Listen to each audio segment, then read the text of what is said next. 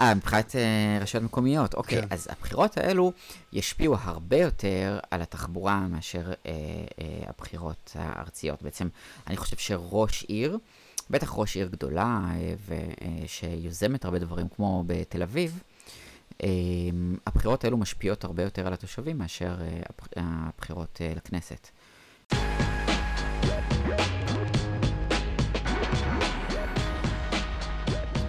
ישראל הולכת להיבנות עוד פעם נוספת, ואנחנו לא מקיימים כמעט בכלל דיון ציבורי על איך הבנייה הזאת תיראה, ואיך התכנון הזה ייראה, והאם הוא ינציח את הבעיות שקיימות כאן, או שאולי הוא יכול לשחרר אותנו מהבעיות שקיימות כאן, כאילו צריך קצת להרים את הראש מהביצה.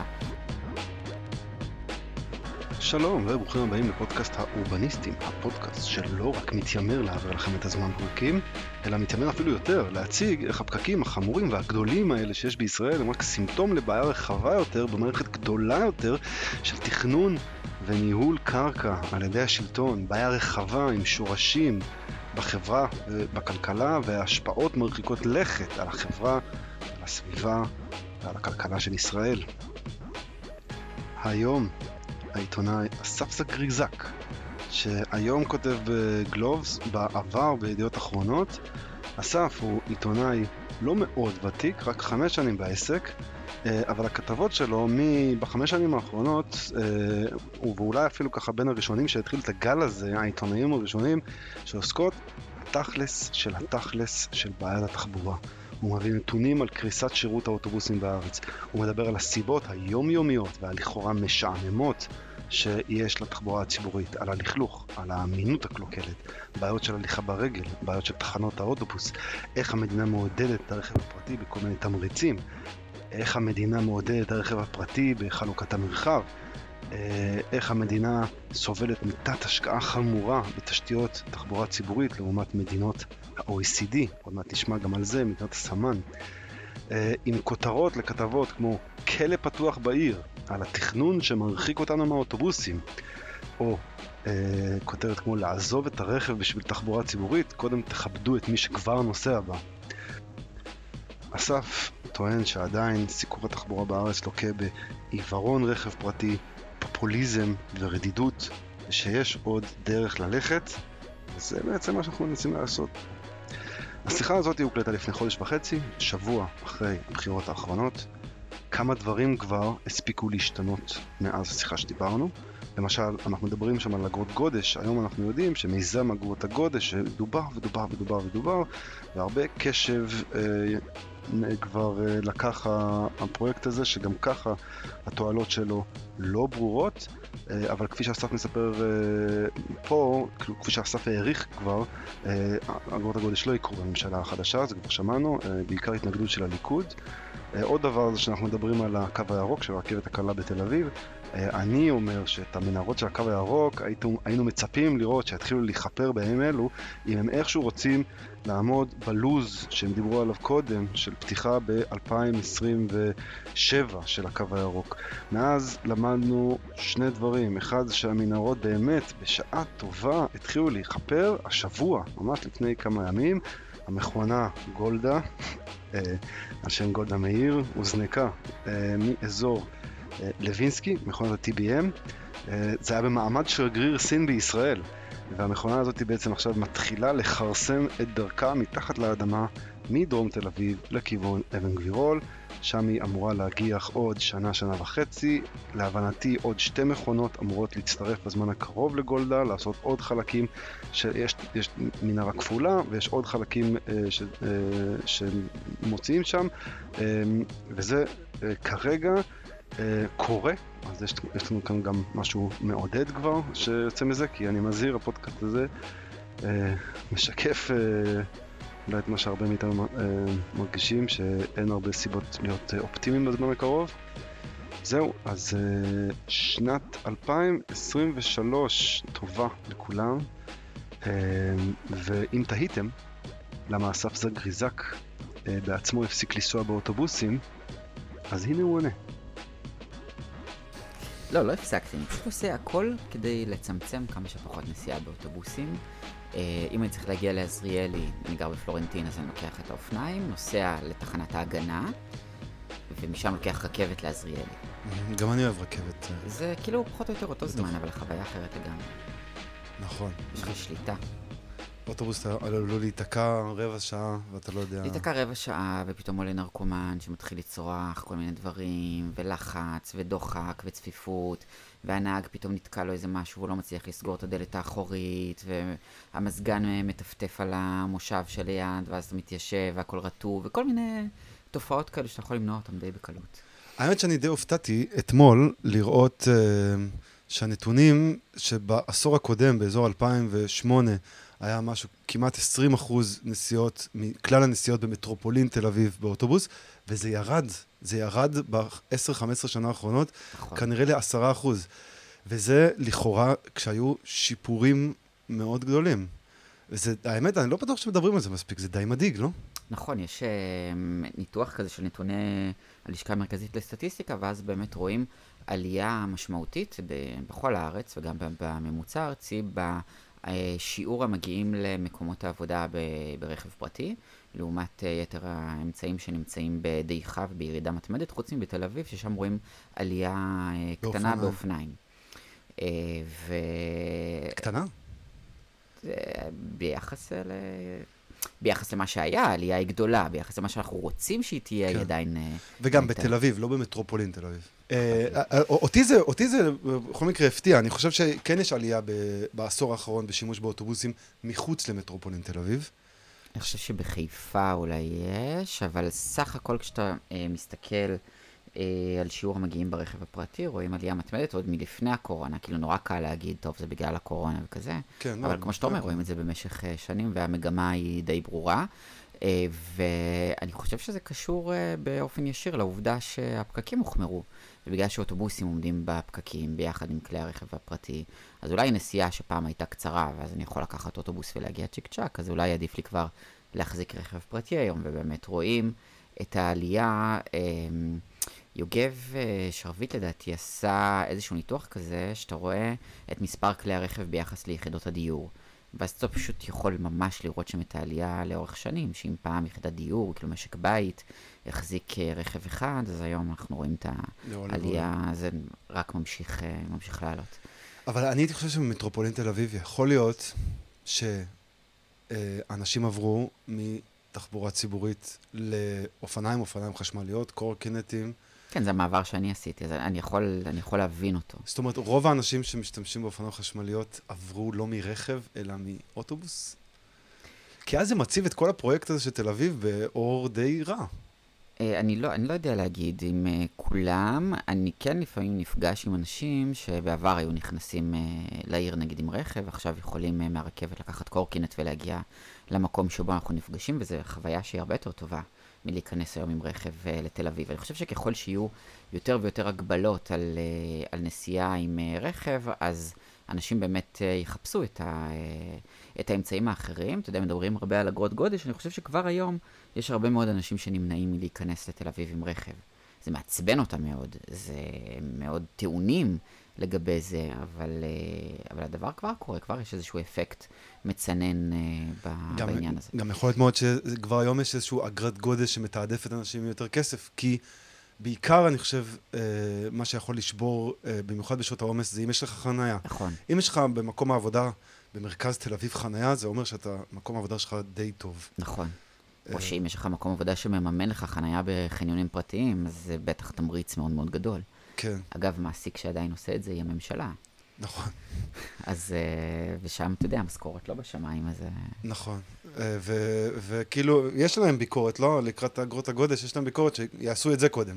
שקודם אה, יפסיקו לתמרץ את עובדי הממשלה עצמם. אה, כן, למרות שזה כאילו what aboutism כזה, של מה אתם באים אלינו, תעשו אתם קודם. אבל זה באמת נכון, זה המעסיק כאילו הכי גדול במשק נדמה לי, אז חושב שתמ- שתמריצי, התמריצים שיש לעובדי מדינה להשתמש ברכב ולא בתחבורה ציבורית, הם אה, תמריצים מאוד מאוד גסים. גם, אה, אה, גם מימון החזקת הרכב, שאתה צריך להוכיח בעלות על רכב כדי לקבל אותו. אז כן. זה, ברור שזה דוחק אותך לת- לקנות רכב ולהשתמש ברכב, וגם באמת השכרת אה, שטחי הענק לחניות בעבור עובדי המדינה, זה גם עולה כסף. כן. אה, לעומת זאת, מי שמשתמש בתחבורה ציבורית, אז מקבל החזר של חופשי חודשי, אבל זה עוד מנוכה לו מס. אה, וגם החופשי חודשי לא תמיד הוא כולל רכבת, אלא הוא כולל רק אוטובוסים, אז זה התעריף הנמוך יותר מלכתחילה. וואלה. אה, אז ברור שהתמריצים הם לנסוע ב- ברכב פרטי, נראה לי שכולם מרגישים את זה. תמיד יכולים להגיד לך שיוכלו להגיע כמובן באמצעות תשלום של חמישה וחצי שקלים באוטובוס, ואז כולם יכולים לכאורה להגיע לתוך מרכז תל אביב. אבל אה, כל, ה... כל המיזם הזה של אגרות הגודש עומד בעיניי בסימן שאלה מאוד מאוד רציני, לא כי אני לא מאמין בו, אלא כי אני חושב שלאט לאט נאספות יותר ויותר ראיות אה, שיוכלו לשמש אה, פוליטיקאים בשעת השין לבטל את, ה, את המיזם הזה ולהגיד כל הרעיון שלו היה זה שצריך לבסס חלופות אחרות שיוכלו להביא אותך אה, לתל אביב ולא רק באמצעות רכב פרטי, אבל כל החלופות האלו מתעכבות. בעצם כשאגרות הגודש יוכלו אה, בשנת 2025, מה יהיה לנו? יהיה את הקו האדום, יהיו כמה נת"צים. אה, נתיבים מהירים. יהיו את הנתיבים המהירים עם 11,000 מקומות חנייה שלא יספיקו ל-0.01% מכל אלה שרוצים להיכנס לתל אביב. ויהיו תוספות שירות משמעותיות מאוד באוטובוסים, מבלי שיש לנו עדיין מספיק נהגים כדי להפעיל אותם, כלומר, הם יהיו תוספות שירות על הנייר שלא מבוצעות בפועל. ככה זה נראה כרגע. כן. כשבאמצע יש לנו את הבחירות המקומיות, אז זה אומר הולד של שנה קמפיין עד הבחירות, ואז עוד חצי שנה עד שמרכיבים קואליציות עירוניות, מבססים מערכת ומתחילים לעבוד, אז אנחנו בשנה וחצי כבר פער. כן. וכל זה באקלים שבו משרד התחבורה לא רוצה לקחת אה, רשות תמרור מרשויות מקומיות ולבצע בעצמו את המיזמים למרות ההתנגדויות כדי לא להסתכסך עם ראשי ערים, כי גם יש פוליטיקאים גם במשרד התחבורה. ואז אתה מחבר את כל הדברים האלה, ואתה אומר, וואלה, יש קייס למי שמתנגד לאגרות גודש, להגיד, סליחה, אני, אין, לי, אין לי אלטרנטיבה, מה אתם, מה אתם לוקחים ממני מס? וכל המיזם הזה באמת, אה, באמת עלול אה, להידחות. ואני גם, כאילו, אני גם לא מתרשם מכל ה... נכון, זה מופיע בחוק, אה, יש אה, צווים, יש מכרזים, זה לא מבטיח שום דבר במציאות אה, הפוליטית בישראל ובאיך שהממשל מתארגן ופועל. בניו יורק אני יודע שהם בגדול 20 שנה אומרים שזה יקרה. והם לא מצליחים, כאילו, וזה גם הממשלות שם, זה גם קשור, נגיד טראמפ לא נתן לזה לקרות בניו יורק בזמנו. ועכשיו כאילו כאן מנסים לקדם את זה כי זה כבר לא טראמפ. אז זה באמת אולטרה פוליטי. מצד שני, יכול להיות שבכל הזמן הזה יש משהו שהממשלה לא תשלוט בו, וזה אובדן מיסים. אה, אם רכב חשמלי ימשיך להיכנס מהר, הוא נכנס בשנתיים האחרונות יחסית יותר ויותר מהר, אז יש כאן איזשהו משהו שדוחק בהם לעשות אה, משהו אלטרנטיבי לזה. נכון, אבל אני לא בטוח שתמונת הראי לזה זה אגרות הגודש. בסופו של דבר ההכנסות מאגרות הגודש מוערכות במשהו כמו מיליארד וחצי שקל בשנה. כן. זה לא מתחרה עם המיסוי שלוקחים אה, על הדלק, וגם אה, באגרות הגודש מבטיחים שכל ההכנסות האלו ילכו לתחבורה ציבורית. כן. היום המדינה נהנית מהכנסות מאוד מאוד משמעותיות ממיסוי אה, על כלי רכב, על דלק ועל כל מה שקשור בזה, שהוא לא מופנה לתחבורה הציבורית, אלא לשלל דברים אחרים. כן. אה, ולכן אני לא בטוח שזו תמונת הראי, אולי זה יש- יכול לעזור קצת, אבל... יש שאלה אם בכלל יש משמעות כזה שאומרים שצובעים כסף למשהו מסוים. הרי כסף נכנס לקופה ונהיה אותו כסף, כמו כל הכסף שיש שם. כן, נכון, למרות שבאמת אה, בחוק הזה כן הם מוגדרים 700 אה, או 800 מיליון שקל, המקסימום שיועברו לתחבורה הציבורית, וחלק ממודל המימון של פרויקט המטרו מבוסס על הכנסות מ- אה, מאגרת הגודש. אז אני, נוט, אני נוטה להאמין שאם באמת זה יצא לפועל, אז, אז חלק משמעותי מזה לפחות ילך באמת לקידום של תחבורה ציבורית, אבל צריך להגיד שגם היום מממנים שיפורים ושינויים בתחבורה הציבורית. כאילו, הבעיה היא לכאורה לאו דווקא תקציבית, אלא יותר ביצועית. כשצריך לומר שאחרי שאמרתי את זה, הבעיה היא גם תקציבית. מה הכוונה? משרד האוצר אומר, תנו לנו פרויקטים, אנחנו נתקצב, אין שום בעיה. אבל גם, אבל גם סך ההשקעות של, של משרד האוצר אה, בפרויקטי תחבורה ציבורית הם רחוקים ממה שאנחנו צריכים פה, בהתחשב בעובדה שאוכלוסיית ישראל הולכת לגדול בצורה משמעותית, המדינה הזאת הולכת להיבנות בצורה משמעותית, וכשאנחנו מדברים על צמצום פערים, אנחנו, אה, אנחנו עוד לא בחצי הדרך, כי הפערים כל הזמן ממשיכים וגדלים. כן. אה, ולכן ההשקעות צריכות להיות הרבה הרבה הרבה יותר משמעותיות, גם ביחס לסל שקיים היום, שמבחינת משרד האוצר הוא מאוד מאוד נדיב, וגם אותו אפילו לא מצליחים לבצע. אני לא אופטימי בקיצור. כן. Uh, למרות שבאמת חייבים להגיד שמבחינת התוכניות שיש על הנייר, אז יש הרבה תוכניות על הנייר שהן כאילו לכאורה הן עומדות ב... התוכניות הן נשמעות שעומדות באתגר.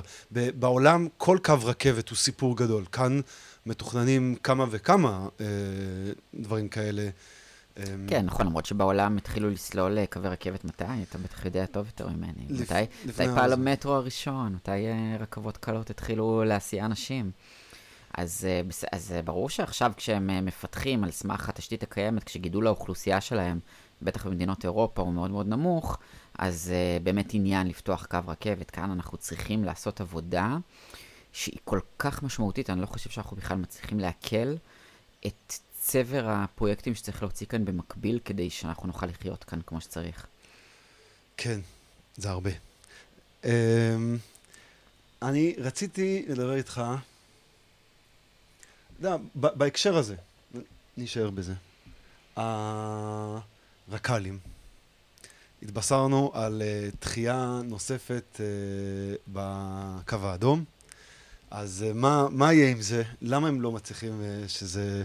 למה הם גם לא פשוט אומרים? למה הם לא uh, מודים שזה המצב וכאילו מרגיעים את כולנו? יש איזה מין uh, תחושה קצת uh, משונה. אז עכשיו מדברים על אמצע 23, אבל גם שם אין איזה מישהו רשמי שאומר זה ייפתח באמצע 23, אל תתעגבו, הכל בסדר.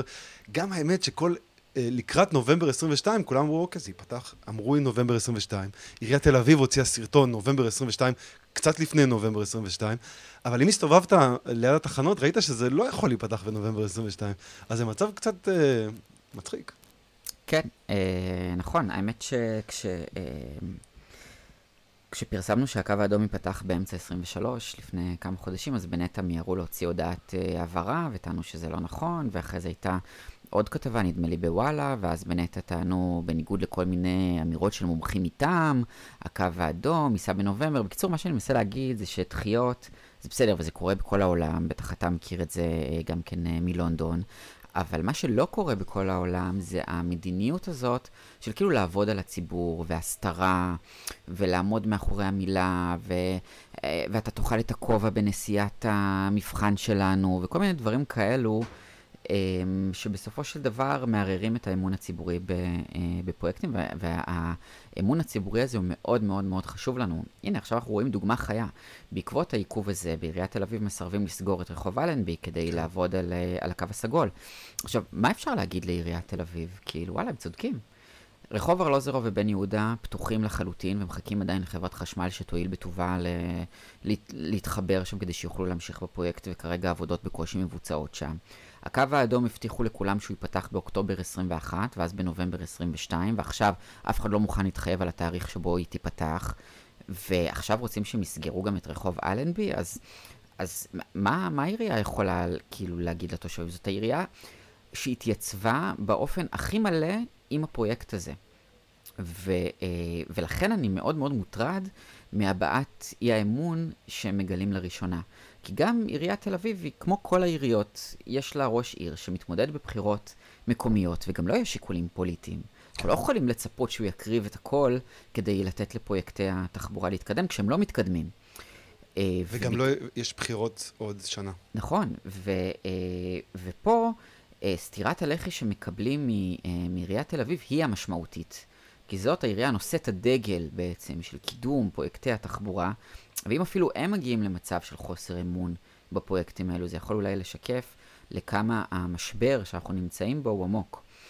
משבר אה, עם מי? עם... אה, משבר אמון. משבר אמון בזה שנטע אומרת אנחנו נעמוד בזמנים ונבצע, ולמרות שדוחות אה, חברת הבקרה אמרו אחרת, ובמשרדי הממשלה הסתובב שם חיים גליק כמו סהרורי במסדרונות ולא הבינו מה, מה, מה הוא רוצה מהם, ו, ובעיתונות זה כבר הופיע מזמן. בקיצור... אני יודע, אני עבדתי, החברה הראשונה שעבדתי בה בלונדון זה WSP, שהם עבדו על הקו האדום.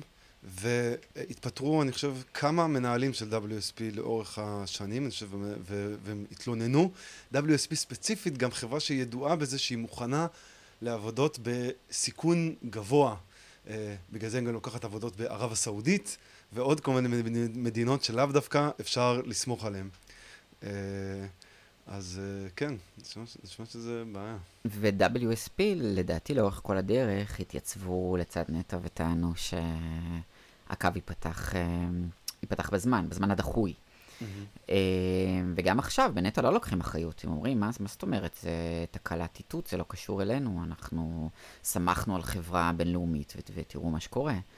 אה, אבל מה לעשות, בפרויקטי תשתית תמיד יש את ההפתעה הזאת בסוף, שאולי לא מאפשרת, לכן משאירים גם, כל גם כך הרבה זמן. גם בלונדון, זה בעצם הייתה בעיה, בעיית איתות ותיאום בין כמה מערכות. קצת שונה, כי לא כל המערכות היו חדשות כמו פה, אלא זה בעצם התאמה למערכות עתיקות בלונדון, זו הייתה הבעיה. כאן כאילו כל המערכות חדשות, אז לא, שום דבר שאמור להפתיע, אבל... כנראה, אבל זה גם, באיתות זה כנראה סיפור אה, גדול. נכון, ואתה יודע, אנחנו עוד uh, מתעסקים בקו האדום, כי זה באמת uh, עניין ציבורי. אבל uh, תכלס ההתעסקות האמיתית צריכה להיות כבר בירוק והסגול, שגם הם כבר נמצאים בעיכובים משמעותיים. בוא נגיד שאם האדום זה כבר חתום וגמור שהוא... אז בסדר, אז עוד כמה חודשים הוא יפעל. כן. אבל, uh, אבל העניין זה מה עושים עם הירוק והסגול. האם גם עכשיו ימשיכו באותה מדיניות של, של הסתרה ואי אמירת אמת? Uh, הסגול מתעכב בצורה מאוד מאוד משמעותית, uh, לא רק בגלל שעיריית תל אביב לא מסכימה לסגור את אלנבי, אלא בגלל הרבה מאוד פיגורים שנטע סוחבת uh, בשלב אינפרה 1, שאגב, הדחייה בפתיחת המעטפות של שלב אינפרה 2, בגלל אי פינוי כפר שלם, וכל הסיפורים האלו שירתו את נטע בצורה מושלמת, כי בעצם נתן להם גרייס של עוד שנה. כדי לא להיכנס על ידי הזכיינים של אינפרה 2. אז מהבחינה הזאת היה שיחוק מבחינתם. כאילו כפר שלם ומירי רגב וזה. סיפור נכון, אחלה סיפור, גם מעניין. כן. אבל, אה, אבל הוא באמת נתן להם גרייס משמעותי, אבל גם בו הם חורגים. אה, ו, אה, וחברת חשמל ותיאום התשתיות, הכל נמצא בפיגורים. וכמובן, ואגב, כבר בעצם הוא נדחה. ככה בין השורות ל-2027, הוא היה אמור להיות ב-2026, אז בהסכמים עם הזכייניות הוא כבר 2027, וגם הקו הירוק כבר נדחה בהסכמים עם הזכייניות ל-2028, וגם שם היד עוד נטויה, כי החפירות בכל המקטע התת-קרקעי והמיותר, לא uh, נמצאים ממש בראשיתם, uh, וגם שם יש כבר uh, פיגורים מאוד מאוד משמעותיים. כן. אז, אז ספק שה, שהדבר הזה יקרה בזמן. כן. את ה, אני חושב, את החפירות של הקו האדום עשו בשנת 2016, כאילו ה-TBMים והחפירה הגדולה. ומאז ועד היום עברו כבר שש שנים, והקו עדיין לא נפתח. אז כאילו אם רוצים שמשהו ייפתח ב-2028, אז החפירות היו צריכות להתחיל היום. אבל זה לא נראה שזה קורה. Uh, כן, טוב, חוץ מהנדסה אזרחית, יש עוד כל מיני אלמנטים שאולי שם אפשר קצת uh, לצמצם, או כזה, לא, לא לגמרי בקיא בכל אחד, uh, בכל אחד מהשלבים שיש עוד בדרך, כן. אבל uh, לפי הקצב uh, שזה נראה כרגע, uh, קשה מאוד להאמין שהקווים האלו ייפתחו בזמן. יש גם uh, uh, גורמים שמכירים מאוד טוב את הפרויקט, שמעריכים שהקו הירוק לפחות לא ייפתח לפני שנת 2030. אני מקווה שה... ההערכות הפסימיות האלו אה, לא, לא יתממשו. כן, וגם בכלל שלא... אם אנחנו כל כך בונים על חברות בינלאומיות שיבנו את זה, והעולם, כאילו בישראל עדיין גם לא, לא מרגישים את זה, וגם לא בטוח שלא ירגישו את זה בעתיד, יש איזשהו מיתון עולמי, או משהו כזה. זה יכול מאוד להשפיע על פרויקטים כאלה שכל כך נסמכים על uh, חברות בינלאומיות. כן, ויש בעיה של כוח אדם מבחינת מהנדסים, ויש בעיה של חומרי הגלם. אה, ויש בעיה של תיאום תשתיות, יש כאילו כל כך הרבה חסמים שאנחנו צריכים אה, להתגבר עליהם, אבל קצת תחוש... לא, לא יודע אם תחושה או ידיעה, יותר ידיעה, שזה לא באמת, אה, לא, לא מספיק מעסיק אה, את המדינה. המדינה מעדיפה לדבר על אגרות גודש. ועל המטרו. ועל המטרו, למה? והמטרו? בסדר, המטרו יקרה, אבל אתה יודע, בקצב שאנחנו מדברים עליו עכשיו, אז... אה, אה, רוצים להתחיל לפתוח ב-2032, צריך להתחיל לזוז. כן, גם עם זה צריך להתחיל לזוז. אבל זה לכאורה, לא יודע, אה, תזוזות סטטוטוריות אה, קיימות. כן, התוכניות מתקדמות בקצב די מרשים, צריך להגיד. בעצם רק קו M2 לדעתי עוד נותר כדי שהוא יאושר מבחינת, מבחינת התוכניות, אבל המכרזים צריכים... להתחיל אה, לנוע בקצב אה, יותר מהיר, ויש את אה, חוק המטרו שצריך אה, להעביר אותו, אבל גם לפני שמעבירים את חוק המטרו, יש הרבה דברים שאפשר כבר להתחיל ולהניע אותם. אתה יודע, אחרי זה יגידו, טוב, לא העבירו את חוק המטרו, בגלל זה אנחנו מתעכבים. כן, לכל אחד יהיה את האליבי שלו, כן. למה מתקת העניין. אמ, כן, האמת שזה מעניין, כי הרכבות הקלות, אתה יכול להסתכל על ההתחלה של התכנון הסטטוטורי שלהם בשנות ה-90. המטרו מתחיל ב- לפני 4-5 שנים. אז אה, לכאורה זו התקדמות מאוד אה, מהירה בסטטוטוריקה, אבל יכול להיות שיהיה להם עוד קשה בהמשך. כן, דלית זילבר אהבה להגיד שהמשבר בישראל הוא לא תכנוני, הוא ביצועי. אה, שזה נחמד, כי כאילו, אתה יודע, היא גם קצת מורידה, מ- מורידה מעצמה, את, אבל האמת שהיא גם די צודקת, בטח בהקשר של המטרו. אה, באמת, אה, מבחינת התוכניות, הדברים, הדברים מתקדמים. יש איזה, אני חושב שיש איזו תחושה בישראל שאם שמים רכבות מתחת לקרקע, אז פחות קשה לתכנן אותם. כי מתחת לקרקע, מה שקורה בקרקע הוא הבעיה. ואני לא בטוח שזה נכון.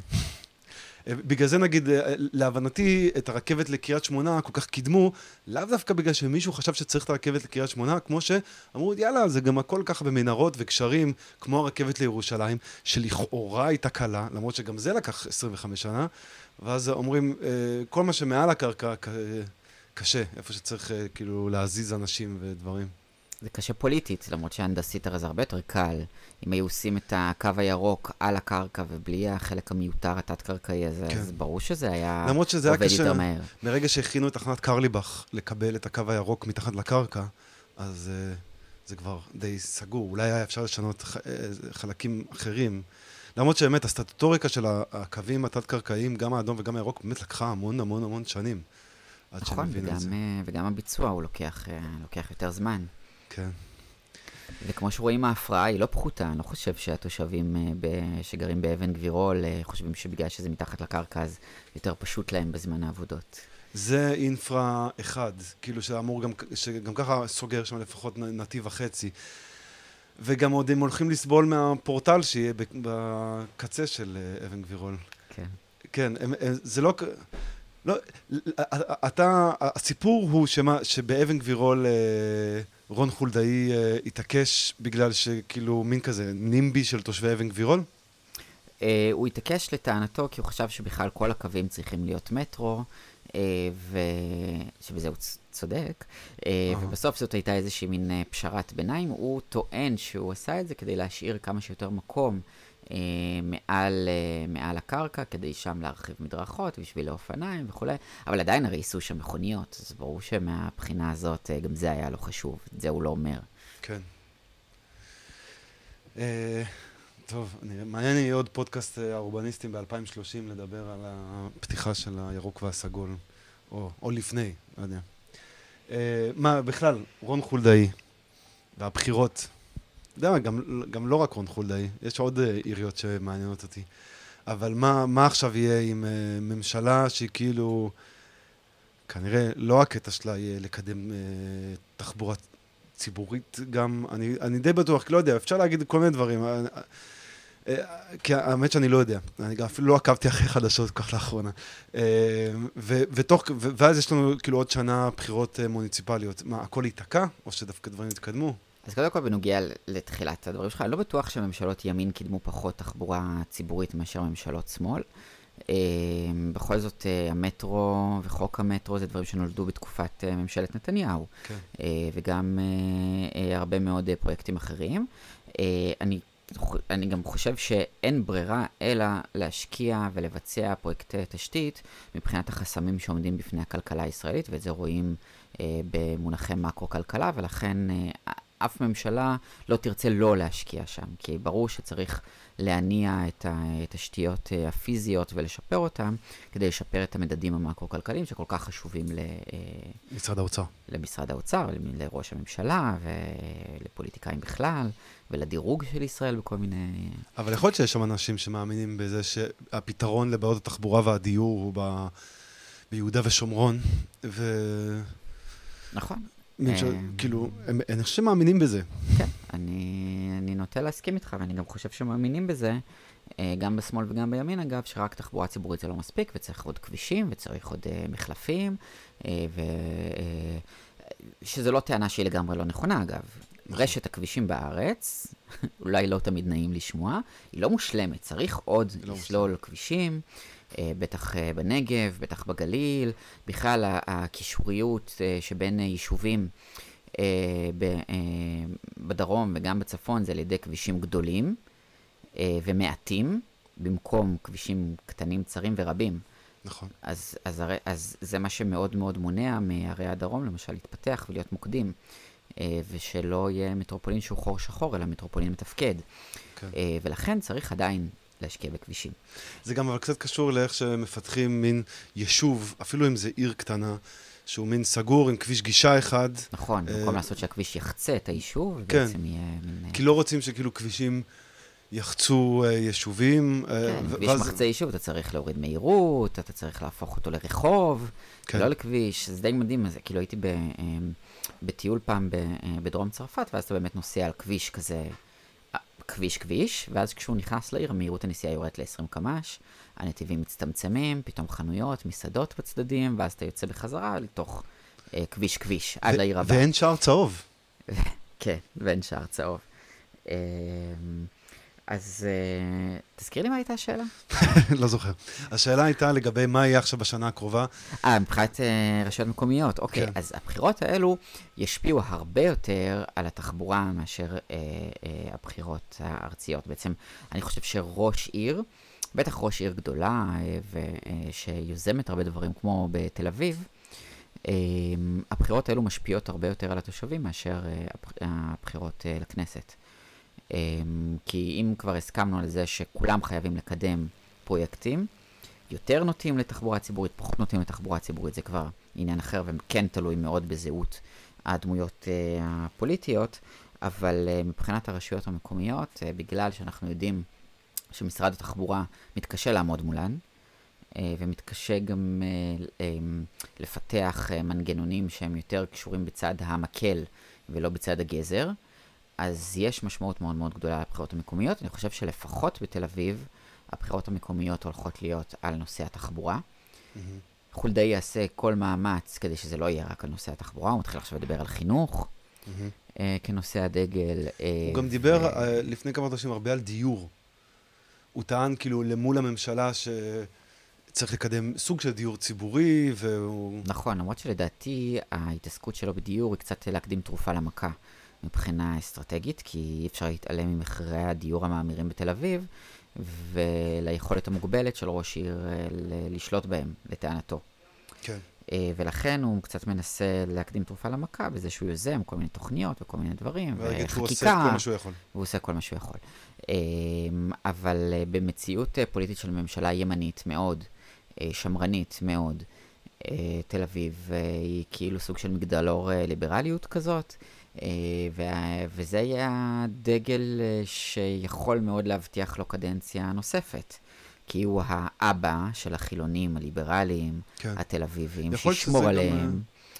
אה, ואני חושב שזה סנטימנט אה, שמאוד מאוד יעזור לו בבחירות האלו, לעומת סנטימנט שלילי מאוד מאוד חזק בתחום התחבורה. כן. יכול להיות שאני מחמיא, אוקיי, אני עכשיו הולך להחמיא לו בטירוף וזה לא מגיע לו. אוקיי. הוא קצת האן הידלגו של הפוליטיקה הישראלית. אן הידלגו, מפריז. הכי, כן, הכי דומה, אתה יודע, הכי קרוב למרות. שהיא אה, סופר סוציאליסטית. היא אה, כן, לא, אני מתכוון במובן התחבורתי. במובן התחבורתי. הוא הכי אמיץ, הוא הכי הולך עד הסוף, הוא הכי נותן יד לפרויקטים. יש המון ביקורת על זה, על, על ה... הוא עוד לא שם, הוא עוד לא שם, אבל הוא, הוא הכי שם מבין כל האופציות האחרות. אה, ו, והסיום של פוליטיקאים כאלו שקצת מקדימים את זמנם ביחס לאחרים, הוא לפעמים סיום עגום. אה, ואני חושב שהוא, אה, שהוא מבין את זה, שהוא הולך על, אה, על חבל דק במובן הזה, ולכן מקפיא קצת שבילי אופניים, כן. מסמן קצת שאגרת על- גודש פתאום לא כל כך באה לו טוב, על סג- סגירה של אלנבי, זה... הסגירה של אלנבי, נכון, אז יש כל מיני צעדים כאלו, ש... שאם אנחנו בשיח טהרני זה לא בסדר, אבל אם אנחנו בשיח של אה, ריאל פוליטיק, אז אני יכול אה, לא להצדיק, אבל בטח להבין את, ה, את המניעים. מה אתה חושב על הסנטימנט שבעיקר אה, רואים הרבה מעיתון הארץ, ש... על כאוס המדרכות, שבתל אביב אי אפשר ללכת, ש... ש... והרבה, ומאשימים, הרי על זה הוא, לא יודע, מאשימים אותו, נראה לי. אה, למרות שזה גם לא הכל, ואז הוא אומר, זה משרד התחבורה, שלא אוכף, זה המשטרה, זה זה. זה שאגב, הוא צודק בחלק מה, מהמקרים, הוא לא יכול לרשום קורקינטים פרטיים ולהפעיל מצלמות אכיפה. נכון. אה, משרד התחבורה צריך להוביל את המהלך הזה של רישום אה, הקורקינטים הפרטיים. הוא כן יכול לגבות כסף מחברות הקורקינטים, למשל על שטחי, על, על שטחי ציבור שבהם מכנים קורקינטים. כן. ואני חושב שבאמצעות התקציב שהתקבל מ- אה, משכירות על, על השטח הציבורי הזה, ששייך לכולם, אפשר אולי להשקיע אותו באכיפה, ואז קצת למתן את, ה- את ההשפעות. כן. אה, הוא טוען ש, אה, שדווקא הפרויקטים האלו הם הילדים הטובים, אה, הוא טוען שהקורקינטים האלו זה כאילו הילדים הטובים בשוק הקורקינטים, שהבעיה היא בפרטיים. אבל זה לא משנה, זה עדיין אני עכשיו פרטיות. דיברתי עם אה, חבר שנוסע לעבודה מדרום תל אביב לצפון תל אביב, ואז הוא אמר לי, אה, קורקינט, אה, הוא קנה קורקינט חשמלי, פעם היה לו אוטו, אה, עבר לקורקינט אה, חשמלי, אה, ואז אמרתי לו, למה כבר, ואז הוא אמר לי, כן, תשמע, זה, זה מגיע ל-40-50 קמ"ש, והוא נוסע או על שבילי אופניים או על אה, הכביש. כן, מטורף. ואז אמרתי לו, למה לא... אה, למה לא טוסטוס כבר? ואז הוא אמר לי, אבל טוסטוס זה רישיון וכל הזה, זה כל הווג'רס הזה. כן, בטוסטוס אתה חייב לנסוע על הכביש. כשאתה נוסע בקורקינט או באופניים משודרגים כאלו, אתה בעצם אה, כאילו כל יכול. אתה יכול להיות הולך רגל כשאתה רוצה, ול- ולנסוע, הולך רגל במרכאות, ולנסוע על מעבר החצייה. כן. אתה יכול להיות אופניים כשאתה רוצה, ולנסוע נגד הכיוון. אתה יכול לעלות על אה, שביל אופניים, ממנו למדרכה, ממנו לכביש, הכל, אתה יכול לעשות הכל. שזה קצת כמו היתרון שיש לאופניים, כי גם בתור אופניים אתה מרשה לעצמך להיות הולך רגל, אתה פשוט הולך, אם אתה רוצה. נכון, אבל באופניים שהמהירות שלהם היא הרבה יותר איטית, אז כן. הנזק החיצוני הוא הרבה יותר קטן. עכשיו, תוסיף על זה, למשל, אה, שליחי וולט כאלה, כן. שכל שיטת ההעסקה שלהם היא שיטה מאוד נצלנית, הרי אין אה, שכר אה, שעתי או שכר על משמרת, הם מקבלים כסף לפי המשלוחים שהם עושים, כן. הם מקבלים בונוסים על ככל שהם עושים יותר משלוחים בפחות זמן. כן. ואז המודל הכלכלי הזה גורם לי לחשוב איך אני ממקסם את הרווח שלי, אז מן הסתם, להשקיע. עכשיו בטוסטוס ורישיון וכל זה, זה הרבה יותר יקר ואיטי, מאשר פשוט לקנות איזה אופניים אה, משודרגים כאלו, או קורקינט משודרג כזה, כן. ולהיות אה, כל יכול במרחב הציבורי, ושיקפצו כל השאר. אה, ואני חושב ששם הבעיה, אני כר- כרוכב אופניים רגילים, הכי מאוים מרוכבי וולט, יותר ממכוניות, יותר אה, מקורקינטים אה, להשכרה ויותר מכל דבר אחר. הם נוסעים כמו משוגעים. הם אה, נוסעים כמו משוגעים. הם הרבה פעמים כזה, אתה רואה אותם על 40 קמ"ש, תוך כדי שהם מסתכלים בפלאפון לאן הם צריכים לנסוע. כן, הם צריכים לקבל הזמנות תוך כדי ו- ולנהל את כל העסק שלהם. כן. ואני, ודווקא שם הכי קל אולי לעשות רגולציה, כי זה חברה פרטית, מסחרית, ש, שצריך לארגן את, ה, את האירוע שלה, ולא יודע, יכול להיות שצריך ממש צעדים דרקוניים דווקא שם. כן. אה, למשל, מודל העסקה ש... שהוא פשוט שכר שעתי. או, או ממש להגביל את הפעילות שלהם אה, בעיר, אה, כל עוד אין פתרון הוליסטי אחר. אה, זה שמישהו יקבל אה, את המשלוח שלו בתוך אה, חצי שעה ולא בתוך שעה, כמו שהיה לפני וולט, זה כנראה לא מספיק גדול כדי שאנחנו נשלם את המחיר אה, הציבורי אה, של, ה, של ההתפרעות אה, ב- ברחובות. אבל אני כן רוצה להגיד משהו על הסנטימנט הכללי בנושא הזה. כן. שהוא קצת מוזר, כי זה לא קשה, זה לא חדש שקשה ללכת על, על מדרכות בארץ. יש רכבים כאילו, שמחנים עליהם בין מפריע. ואופנועים שנוסעים, כן. ואם כבר, אז כאילו בן זוג שלי חי ביהוד. וכשאני נמצא ביהוד, הרבה יותר קשה ללכת על מדרכות ממה שקשה ללכת עליהם בתל אביב. אז אני חושב שזה קצת שיח של אנשים שלא יוצאים מתל אביב בלי רכב פרטי. Uh, ולכן תל אביב מבחינתם היא כאילו הדוגמה לכל מה שקורה בארץ, ואם, ואם פה יש איזה קורקינט שנוסע על מדרכה, אז, אז יש פה כאוס. צאו מתל אביב בלי רכב, ותגלו. שהלוואי, הלוואי שהרחובות מחוץ לתל אביב ייראו כמו בתל אביב. מעולם לא היה פה יותר מרחב ציבורי להולכי רגל ולרוכבי אופניים ולמשתמשי תחבורה ציבורית. אתה יודע, אה, אה, יואב לרמן, אה, שאני מעריץ שלו, אומר ש, שתל אביב היא שטטל. ויכול להיות שזה נכון, אבל אני בעד שכל מדינת ישראל תהיה שטטל כמו שתל אביב היא שטטל. אנחנו לא יכולים רק אה, להשוות את עצמנו אה, למדינות הסמן, לאיך זה בקופנהגן או באמסטרדם או במקומות כאלו. אנחנו צריכים עדיין לזכור שהקונטקסט שאנחנו חיים בו הוא קונטקסט ישראלי, כשאנחנו, שהוא מוטה רכב פרטי בטירוף, וכשאנחנו אה, אה, משווים את החוויה פה, אז כמובן שתמיד צריך לשאוף להיות הכי טובים, אבל אי אפשר להתעלם ממה שקורה בשאר המדינה. ומה שקורה בשאר המדינה הוא קטסטרופה. המדרכות הם, אה, בעצם מגרש חנייה אחד ענק. אופנועים מחנים בחופשיות, אם בכלל יש מדרכות. מה יש? רחובות שלמים מחוץ לתל אביב שאין בהם בכלל מדרכה. שאתה הולך, ב... שהמרחב של הולכי רגל הוא בדיוק ביציאה מחנייה אלכסונית כזאת, שהכי מסוכנת. כן.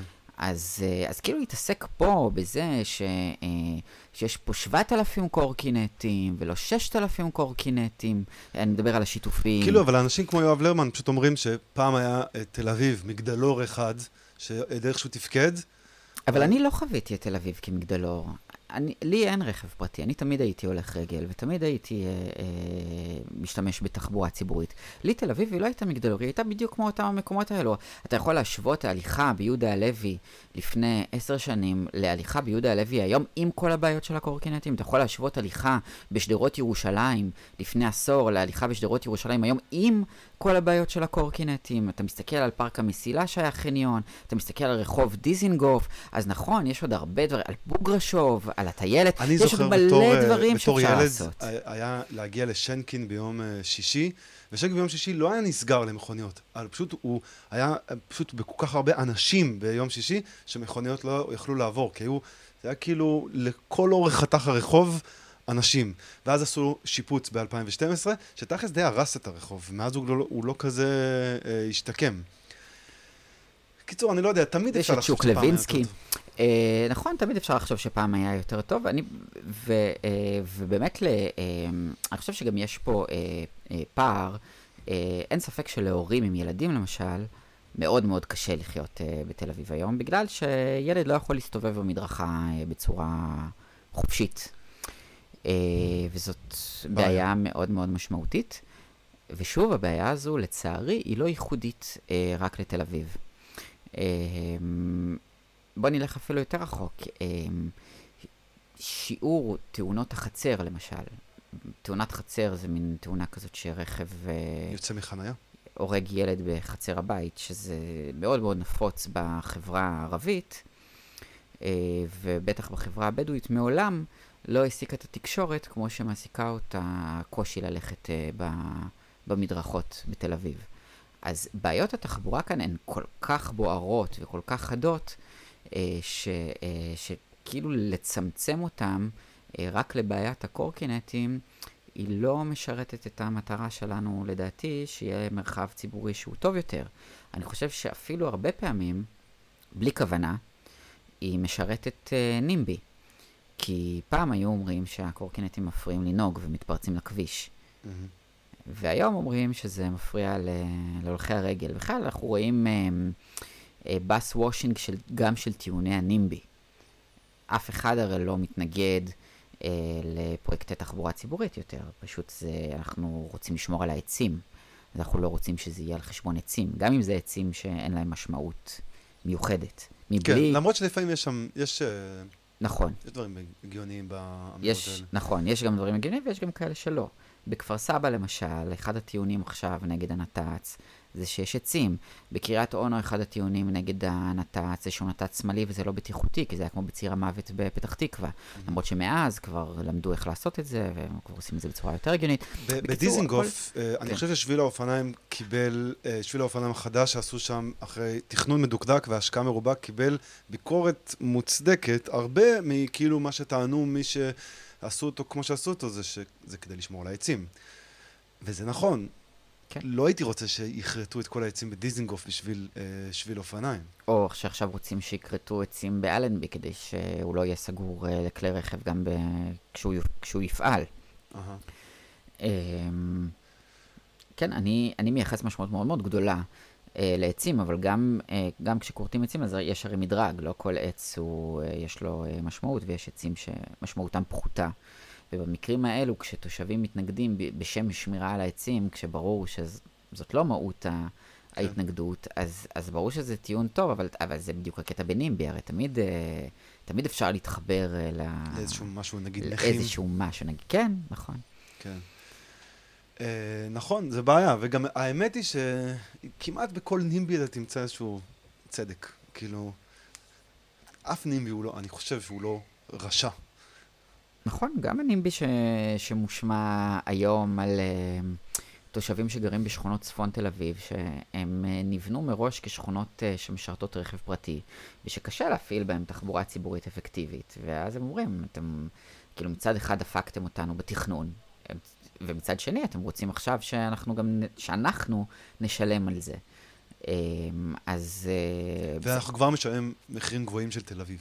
אנחנו כבר משלמים מחירים גבוהים של תל אביב, ומשלמים גם מחירים גבוהים של בנייה פרברית, כי אז אתה צריך להחזיק אה, רכב, זה, זה, זה, העלות היא יותר גבוהה במגורים אה, פרבריים מבחינת, אה, הדברים האלה, אז אנחנו כאילו סופגים גם מכאן וגם מכאן, וגם עכשיו נשלם אגרה. כן. אה, אז, אז בסדר, אז ברור שזה נימבי, כי בסוף השערים יוקמו איפשהו, ותמיד יהיה מישהו שיהיה מחוץ לשערים. אה, וברור שאי אפשר לבסס את זה רק על שיוך מוניציפלי, כי אז מה, אז למה הקו עובר ב, אה, בצד אחד של הכביש, כשמצד השני תושבי גבעתיים כן צריכים לשלם, או תושבי בין יפו לבת ים, מה ההבדל? הרי בסוף כל גוש דן זה בעצם עיר, זה לא באמת, אין באמת חלוקה. אז בסדר, אז תמיד זה יהיה, תמיד יהיה מישהו שהוא בחוץ, והחישוב צריך להיות גם לפי מוקדי משיכה וגודש וכולי. אבל כמו שאתה אומר, תמיד יש גרעין של אמת. או שאומרים אנשים, אין לנו חלופה ל, אה, לרכב הפרטי, אז איך אתם רוצים שאנחנו נשלם? כן. אז זה, נוס, זה דבר שתמיד יגידו, כי תמיד, לא משנה מה יעשו, תמיד זה לא יהיה כמו רכב פרטי. יש הטיה מובנית ללמה אני מעדיף לנסוע ב, ב, ברכב הפרטי, והוא תמיד יהיה עדיף אם אני רגיל לנסוע בו. יש עליונות כזאת שמאוד מאוד קשה לנצח אותה. אבל אי אפשר להתעלם מזה שיש גרעין של אמת בטיעון הזה. כן. כאילו, אתה רואה את השיח ב- בטוויטר נגיד, על כל מיני מחאות, אה, מחאות שהן נימבי, והשיח הוא מאוד מאוד חד משמעי. אה, וזה בסדר, זה תגובת נגד לשנים שפו, שטענות אה, נגד, שטענות נימבי מסמסו וביטלו פרויקטי תחבורה. כן. ותגובת הנגד הזאת היא ברורה, והיא מוצדקת גם, אבל בתוכה אני מציע גם לזכור ש, שבסופו של דבר הדברים הם מורכבים. ולפעמים אפשר לבודד טיעוני נימבי מוצדקים, ולהתייחס אליהם, ולטפל בהם, ולא לבטל פשוט באמירה שהכל נימבי. את הגרעין אמת הזה בו צריך לטפל, ואם אנחנו לא נטפ- נטפל, אנחנו פשוט נפגע באנשים שמטרת התחבורה היא בסוף לקדם אנשים, אה, ו, אה, ולבודד את טענות הסרק. כן. וגם לפעמים לזכור שבעולם יש trade-off ים, והמטרו יכרות כמה עצים. אני מקווה שלא את כל גן הכובשים, כמו שפעם אמרו שהוא יעשה, אבל הוא יכרות כמה עצים. נכון. רציתי לדבר איתך אה, עוד מקודם על אה, מה התפקיד של התקשורת ב, ב, בדברים האלה. זה נראה שהתקשורת, נראה שיש התעוררות ציבורית אה, גדולה בכלל בנושא התחבורה, אנשים יותר מתעניינים בזה, אנשים כמוך אה, אה, מסקרים בלעדית את זה, אה, ויש את זה בעוד אה, כמה עיתונאים, אה, עיתונים וגופי תקשורת. אז איך, איך התקשורת אמורה להתנהל ב, ב, ב, בכל המצב העדין הזה, שגם אמור אה, להתקדם מהר בסך הכל? והאם היא עושה את זה טוב, עושה את זה לא טוב? לא יודע. שאלה קשה. אני חושב ש, אה, שההת, שההתעוררות אה, בגופי התקשורת מגיעה מכמה, אה, מכמה מוקדים. גם זה מאוד מאוד מעניין את הציבור, כי זה משפיע על כולם, העובדה שאי אפשר כמעט לזוז בשום אמצעי תחבורה, וזה, וזה הולך ו, ודוחק יותר ויותר כלי תקשורת להתעסקות, אלא שההתעסקות הרבה פעמים היא באמת מתוך... משקפיו או נקודת ראייתו של נהג רכב פרטי. של אה, יש פקקים, למה אף אחד לא מביא לנו פתרון לפקקים, אה, אולי הטכנולוגיה הזו תביא לנו אה, פתרון לפקקים, אולי הכביש הזה ייתן לנו פתרון לפקקים. כן. וזה שיח שהוא כמובן שגוי. וגם... וזה גם דומה לשיח שהיה כשמסתכלים על הבחירות שהיו פעם בתל אביב, שזה היה רוני מילו מול, שכחתי איך קוראים לו, ההוא שהיה אלוף בצה"ל, שהם התווכחו רכבת תחתית או רכבת קלה, מה יותר יפריע, מה יותר יעשה, זה בשנות ה-90. התווכחו על טכנולוגיות, ובסוף לא התקדם שום דבר. כן, זה כמו שיש אה, כזה כרזה של אה, צ'יץ', שמבטיח אה, חניונים ומחלפים, כי כל הדיבורים על הרכבת התחתית לא, לא קורים. וגם עכשיו יש... וגם עכשיו יש את זה. כאלה, נכון? אני חושב שהקמפיין בחירות של ראש עיריית רעננה היה לנתץ את הנת"צ. אה, מעניין עכשיו, אני לא, לא הסתכלתי אם אה, הם כבר גם מתחממים לקראת... הם, הם מתחממים, אבל, הקמפיין כרגע הוא עוד קמפיין אה, סמוי, כאילו אתה עוד לא רואה שלטים וסיסמאות בחירות, זה עוד כאילו יותר ספינים וכזה. דיבורים. אה, כן, אז הקמפיין עוד, אה, עוד נמצא במקומות האלו, אבל אה, אני חושב שעכשיו אה, התקשורת נמצאת אה, בדור ב' של אה, שיח שגוי, שזה אה, של יש לנו פקקים, אבל גם אין לנו אלטרנטיבה בתחבורה הציבורית, אה, שזה נכון, אבל זה שיח שהוא חלקי. אה, כי אנחנו מצד שני ממשיכים להחמיא למחלפים ולכבישים חדשים, עדיין רואים כתבות כאלו בתקשורת, גם כשאין להם הצדקה אני חושב תחבורתית. שכביש 16 אולי היה היה איזשהו... נקודת מפנה. היה נקודת מפנה, גם בגלל שהיו אנשים שטענו שבדיוק כמו שאמרת מקודם, רשת הכבישים עדיין צריכה להתפתח, ואולי כביש 16, למרות שהוא לא יפתר את הפקקים, אולי הוא עדיין צריך להיות. אה, נכון, כי אז הוא כאילו סוג של אה, כביש טבעת, ואז אה, אם משלימים כביש טבעת, אז זה סבבה. אתה תשמע שבפודקאסט שאני אפרסם קודם, דיברתי על כביש 39, שזה משלים לכביש אה, 16, עם ענבר וייס. שתומכת. ב...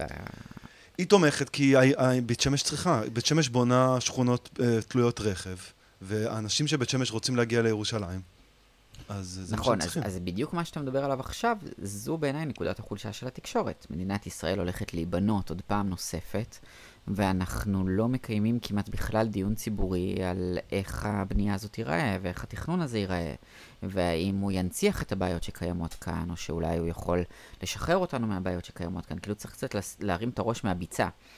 הרבה פעמים אנחנו כעיתונאים מתעסקים בכאן ועכשיו, כי, הקצ... כי קצב האירועים כאן הוא נורא נורא מהר, ואין לנו זמן להרים את הראש רגע ולהסתכל לעתיד לגבי מה המדינה זוממת לנו האזרחים בהמשך. ואני חושב שכאן יש תפקיד מאוד מאוד משמעותי לתקשורת, שהרבה פעמים מפספסת אותו. ולכן אני אומר שהשיח אה, של, אה, של רכב זה פויה, אבל אין לי ברירה, אני חייב להיות בו כי אין לי תחבורה ציבורית, הוא שיח שהוא חלקי, כי אין לי תחבורה ציבורית, ולא יכולה להיות לי תחבורה ציבורית נורמלית וטובה, כי אני גר במקומות שתוכננו מראש לשרת רק רכב פרטי, אז מה עושים עם זה עכשיו? האם יש דרכים לשנות את המצב הזה כבר היום? לא בטוח, כאילו פריצת רחובות זה לא דבר שקל uh, לעשות אותו, ול- ואני חושב שהוא נעשה בפריז, לא? Uh, האוסמן. ו- כן, שזה היה בתקופה שבה אפשר היה פשוט גם- להעיף אנשים מהבתים שלהם ולפרוץ... Uh, זה, זה, זה, זה גם היה תקופה שהעיר הפכה להיות אה, פרויקט מסחרי. גם אני לא מזמן קראתי על לונדון, על ה... מסחרי, וגם, וגם פרויקט, אה, אה, קראתי איפשהו, אני לא יודע כמה זה נכון, שזה היה גם כדי לדכא כמה שיותר מהר מרד אם הוא יפרוץ, כדי נכון. שאפשר יהיה להזרים את כוחות הצבא במהירות, בגריד נכון. רחובות נורמלי. יש גם דוגמאות אה, כאלה מעכשיו, שב... זה היה בקטר, אני חושב, שהיה הפגנות נגד המשטר בכיכר הפנינה. שנה אחרי ההפגנות האלה, כיכר הפנינה הפכה להיות כביש. כן. אה, ואגב, זה דברים שהם גם רלוונטיים. נכון. אה, אה, לישראל. נכון, אני חושב שנעמה ריבה כתבה פעם על זה שיש מעט מאוד כיכרות בישראל שבהם הציבור יכול להיפגש, למחות, כתבה חשובה. נכון, וגם עכשיו שאין לנו את כיכר רבין, לכמה זמן לא יהיה לנו את כיכר רבין בתוצר- בתצורתה המלאה? אה, לדעתי זה ייקח עוד המון זמן, צריכים לבנות שם תחנה וכל זה. אם אני עכשיו רוצה להפגין נגד הממשלה, לאן אני הולך? לגשרים, להפגין מול המכוניות? יש עוד כמה מקומות, לדעתי המ- המקום הלוהט אה, החדש הוא כיכר אה, שם שליד הספרייה, בית אריאלה כזה. שהוא Mm. קטן אה, משמעותית, אבל... זה אנשים- גם, בקורונה השתמשו אפשר. גם להפגין בירושלים אגב, זה גם לא רע. נכון, אבל כאילו אנחנו רוצים להפגין איפה ש... איפה שאנחנו גרים. איפה שאנחנו גרים. בקיצור, לת- לת- לתקשורת יש עוד, אה, יש עוד דרך אה, ארוכה אה, ב- בסיקור שלה, וגם ב... ו- ולא רק בסוגיות של תכנון, של פקקים, של תחבורה ציבורית, אלא גם בסוגיות של תאונות דרכים. שם אנחנו באמת רואים פער מאוד מאוד גדול בין, ה- בין השיח הציבורי לבין השיח המקצועי. וגם שם התקשורת יש לה תפקיד מאוד גדול. למה, מה השיח. המקצועי? השיח המקצועי הוא שאפשר... שיח מקצועי הוא ש, אה, שבערים צריך להוריד מהירות בצורה מאוד מאוד משמעותית ולצמצם את, את המקום שהרכב הפרטי מקבל בו כדי להבטיח שמירה על חיי אדם, כן. כדי שאנשים יוכלו ללכת בב, בביטחון ובבטיחות. אה, והתקשורת לא שם. אה, ואם רכב דורס הולך רגל, אז, אז האם זה בגלל שהולך הרגל התפרץ לכביש, או שאולי הכביש מראש לא אמור היה להיות שם, אה, ואין הרבה מאוד מקום למורכבות הזאת, או שאם רכב אה, נכנס לתוך סופרמרקט בביג, אז אה, יש כאן בעיות שהן יותר עמוקות מרק זה שהרכב איבד שליטה ונכנס לתוך הסופרמרקט והרג הולכי רגל בדרך. כן. ככל שאתה נותן יותר מקום לרכב הפרטי ו, ונותן לו לנסוע יותר מהר ולא מאלף אותו או מרסן אותו, אז זה בהכרח יבוא על חשבון בטיחות חייהם של בני אדם. ואת הקורלציה הזאת פחות אפשר למצוא בשיח תקשורתי. גם נראה שהרי אה, סיקור של תאונות דרכים זה משהו שתמיד היה. אה, כתבה קטנה, הולך רגל, נהרג בכפר סבא, או משהו כזה. כאילו, לא, למה? יש אה, עיסוק מאוד נרחב בתאונות דרכים. פחות כאילו, נרחב תמיד- בס- בסיבות. תמיד- בסיבות. אה, בסיבה, לא, אבל אני אומר, זה לא, זה לא חדש. אה, גם תאונות דרכים זה לא, זה לא נושא חדש. אה, אגב, יש, אמ, יש אנשים שמאמינים שישראל עשתה את המקסימום בהפחתת אה, תאונות דרכים, ואפשר לראות בנתונים השוואתיים שהמצב פה לא. מזעזע, אנחנו ממוצעים, ושאולי זה המס שהחברה צריכה לשלם, ו... ויש אנשים שמסוגלים אה, לחיות עם זה בשלום. אה, אני חושב ש... ש...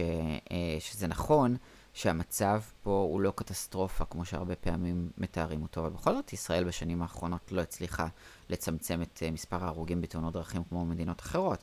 ובכל זאת יש לנו כאן פוטנציאל עצום לצמצם תאונות דרכים ביישובי החברה הערבית, שם רואים חריגות משמעותיות ודרמטיות אה, אה, מיתר האוכלוסייה, וכן יש לנו עבודה בקרב האוכלוסייה של מעל גיל 65-75, שזה קשור קשר ישיר למצב בתוך הערים, והמצב של ילדים גם בחברה היהודית, ובכלל אתה הולך רגל בתוך עיר, אתה מוקף באוטוסטרדות, איך אפשר להגיד שאין עוד דרך אה, למ- למצות את הפוטנציאל להוריד את מספר ההרוגים בתאונות דרכים? אז נכון שהמצב פה לא מזעזע ולא שחור, כמו שלפעמים אנחנו, העיתונאים, מציגים אותו. השאלה גם אבל- לאיזה מדינות אה, אה, משווים, כי באמת רוב העולם די גרוע. רוב, רוב, רוב העולם די גרוע. נכון. יש כמה מדינות יותר טובות, שאנחנו יכולים להשוות אליהם אם אנחנו רוצים. נכון, והאמת שיש עבודה של הרלב"ד, ש, אה, שנוטים אה, אה, להשמיץ אותו, שדוח מגמות כזה שמראה באמת אה, איך אנחנו ביחס לעולם,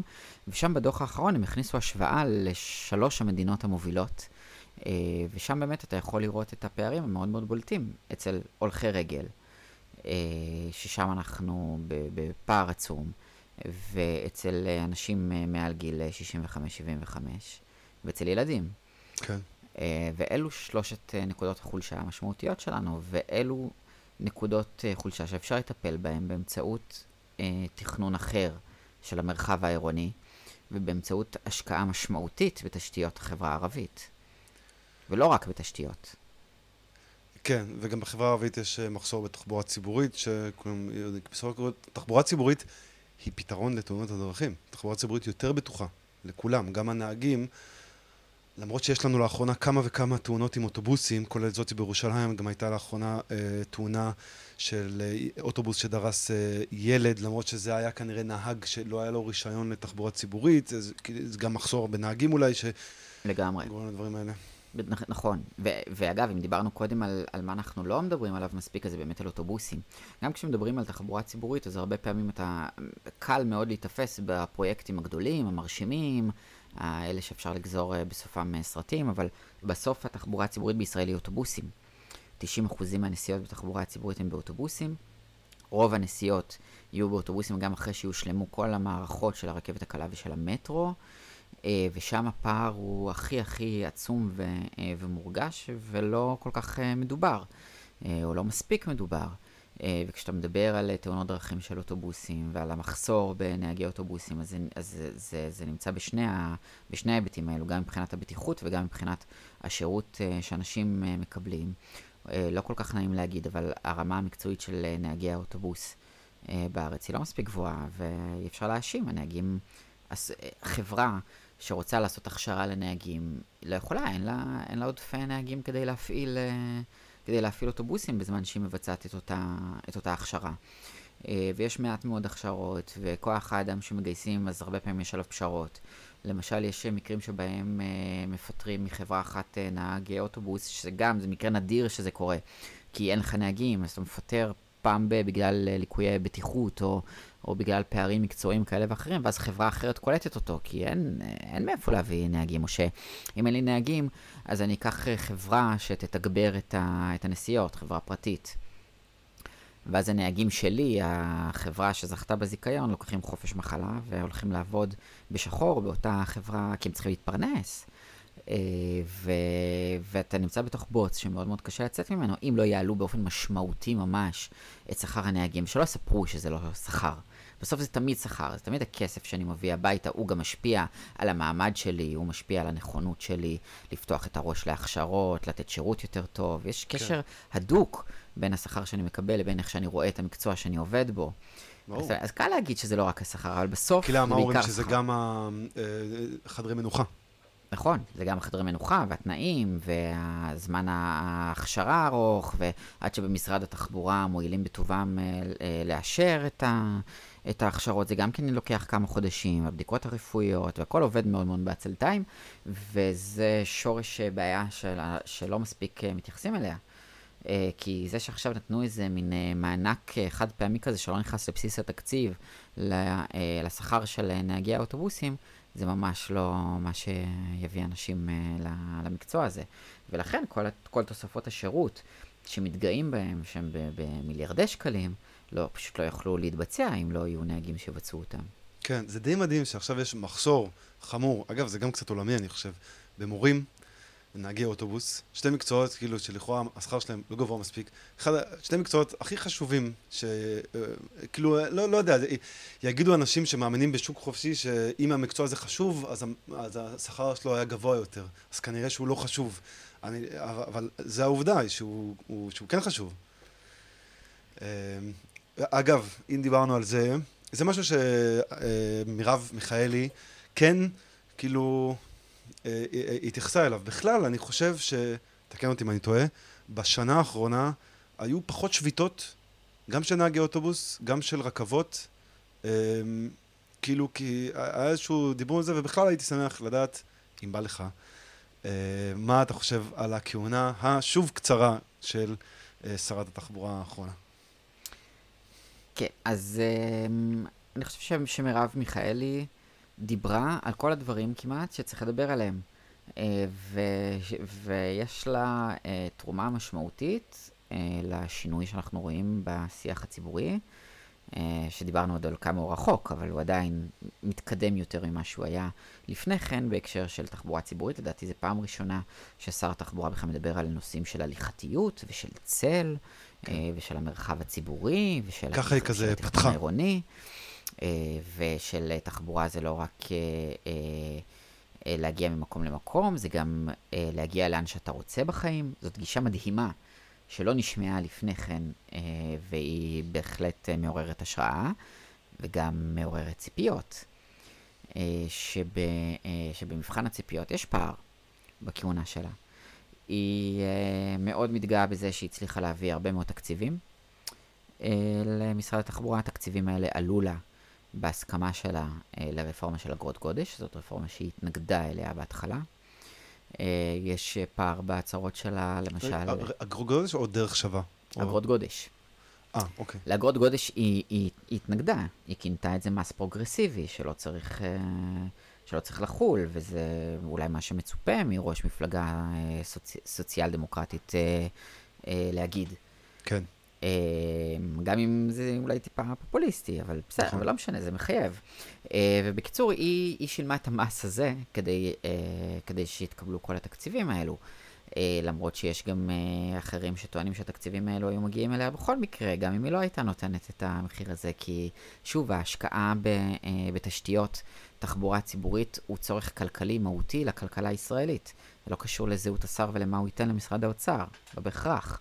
אבל כשאתה אומר השקעה בתשתיות זה בעיקר הפרויקטים הגדולים. נכון, זה בעיקר הפרויקטים הגדולים, ואני חושב שבשינוי הארגוני שהיא כן עשתה באמצעות אנשי המקצוע במשרד התחבורה, אז כן הוקמו אה, מחלקות שיותר מתעסקות גם בחיי היום-יום של אנשים, בנת"צים, בשבילי אופניים, אה, במדרכות, דברים שלפני כן אה, לקו מאוד מאוד בחסר, אה, ושם יש לה הישג אה, משמעותי בעיניי. אמ, אבל אה, בכל מה שנוגע לקצב הביצוע, אה, הפיקוח אה, על חברות התשתית לוקה מאוד בחסר, הנכונות להיכנס לעימותים, גם אם הם עימותים הכרחיים, אה, מאוד מאוד לוקה בחסר, והדברים האלו זה כאילו אה, צעד קדימה מאוד מאוד גדול ברמה ההצהרתית, ברמה הקונספטואלית, באיך מארגנים אולי את משרד התחבורה אחרת, אבל בסוף בסוף, עם מה נשארנו אחרי שנה בפועל? אה, עם המון תוכניות, עם הרבה תקציבים, עם אה, ביצוע חלקי מאוד, אה, לא מספיק, לא מספיק טוב. אומרים שהיא, אה, שהיא עשתה קצת סדר עם כל מיני מינויים שם. אני לא מבין בזה בגרוש. כן, כאילו איזה עצוב שאנחנו מתרגשים מזה ששר ממנה אנשי מקצוע. כן. אמ, אגב, גם סמוטריץ' מינה אנשי מקצוע. יש, אה, יש סיפורים על איך הוא מינה דירקטורים, פשוט מתוך אה, רשימה של, אה, של נבחרת הדירקטורים, שלפי המלצות, ודברים דברים ששמעתי עליהם והייתי די עמום, אז, אז דברים כאלו כן יכולים לקרות גם מהצד השני של, ה, של המפה הפוליטית כנראה. אה, וזה נכון, למשל היא מינתה ראש רשות תחבורה ציבורית שהוא איש מקצוע, היא מינתה את שי קדם ל- לראש מנהל תשתיות. התשתיות, שזה מינוי שהוא מאוד חשוב ודרמטי למשרד התחבורה. אה, היא מינתה מנכ"לית מקצועית, אה, שאומנם הגיעה בלי המון רקע בתחבורה ובתשתיות, אבל אין ספק שהיא מקצועית. אה, והיא מינתה... בנתיבי איילון מינו כמה אה, נתיבי נשים. איילון, אז באמת היושבת ראש היא לגמרי מקצועית, ובנ- ובנטע יושבת הראש היא לגמרי מקצועית, ו...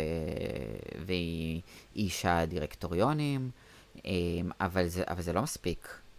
זה לא מספיק. אה, חברות התשתית עדיין אה, פועלות אה, בצורה לפעמים מופקרת. אמ, אתה רואה השפעות פוליטיות מאוד מאוד גסות, גם ברכבת וגם בנתיבי ישראל, שם היא לא הצליחה להיאבק בתופעות הקשות שיש. היא לא הצליחה ליצור ברית עם אביגדור ליברמן או עם רשות החברות כדי לטפל בנושאים האלה.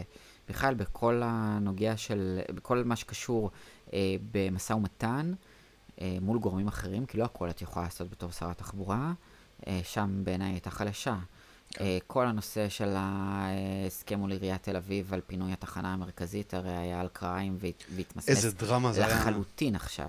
כן? בעצם בית המשפט אה, ביטל אה, לחלוטין את, אה, את, את שלב הביניים שאמור היה להתחיל כבר בשנה הבאה של פינוי מחצית האוטובוסים למתחם פנורמה. ביטלו את זה. ביטלו את זה. אה, ואז נשארנו עם כל ההבטחות, עם איזשהו פינוי למתחם פנורמה בשנת אה, 2026, כשחולדאי, כשראיינתי אותו, התנער לחלוטין מהצורך לפנות את, אה, את התחנה המרכזית, הוא טוען שלא היה שום הסכם. אה, יש הרי התחייבויות. היה את הדרמה שהייתה בסוף, 31 לדצמבר 21, אה, כאילו שחשבו ש... אני חושב שזה 31 לדצמבר 21 או 20? אבל... לא, היה קודם כל באוקטובר אה, 21, עוד לפני כן, היא הצהירה שהתחנה המרכזית תפונה לחלוטין בסוף שנת 2023. כן. ואז בעיריית תל אביב אמרו, זה לא יכול לקרות, כי באחד המקומות החלופיים שאליהם האוטובוסים אמ- אמורים לעבור, במתחם פנורמה, יש אתר טבע עירוני. כן. ולכן אנחנו לא יכולים לעשות את זה באמצעות uh, צו חנייה, צריך לעשות את זה באמצעות תוכנית כן. כן. uh, מסודרת, עם התנגדויות וכולי, ואז הדבר הזה לוקח הרבה יותר זמן. בסוף uh, uh, משרד התחבורה, אחרי שהיו טענות לכל מיני שיקולים כאלה ואחרים של, uh, של עיריית תל אביב, בסוף התיישרו. Uh, ואז באמת נקבע ב, uh, בדצמבר אותו יצור כלאיים כזה של פינוי חלקי עד 24 ופינוי מלא עד 26. כן. שיש בו אה, היגיון. שיש בו. כן, שיש בו היגיון, ואז בית המשפט, לא נעים להגיד, טען את מה שעיריית תל אביב טענה מלכתחילה, שצו החנייה הוא לא מספיק, וצריך לעשות תוכנית, ולכן גם שלב האמצע שצריך לעשות לא יכול לקרות.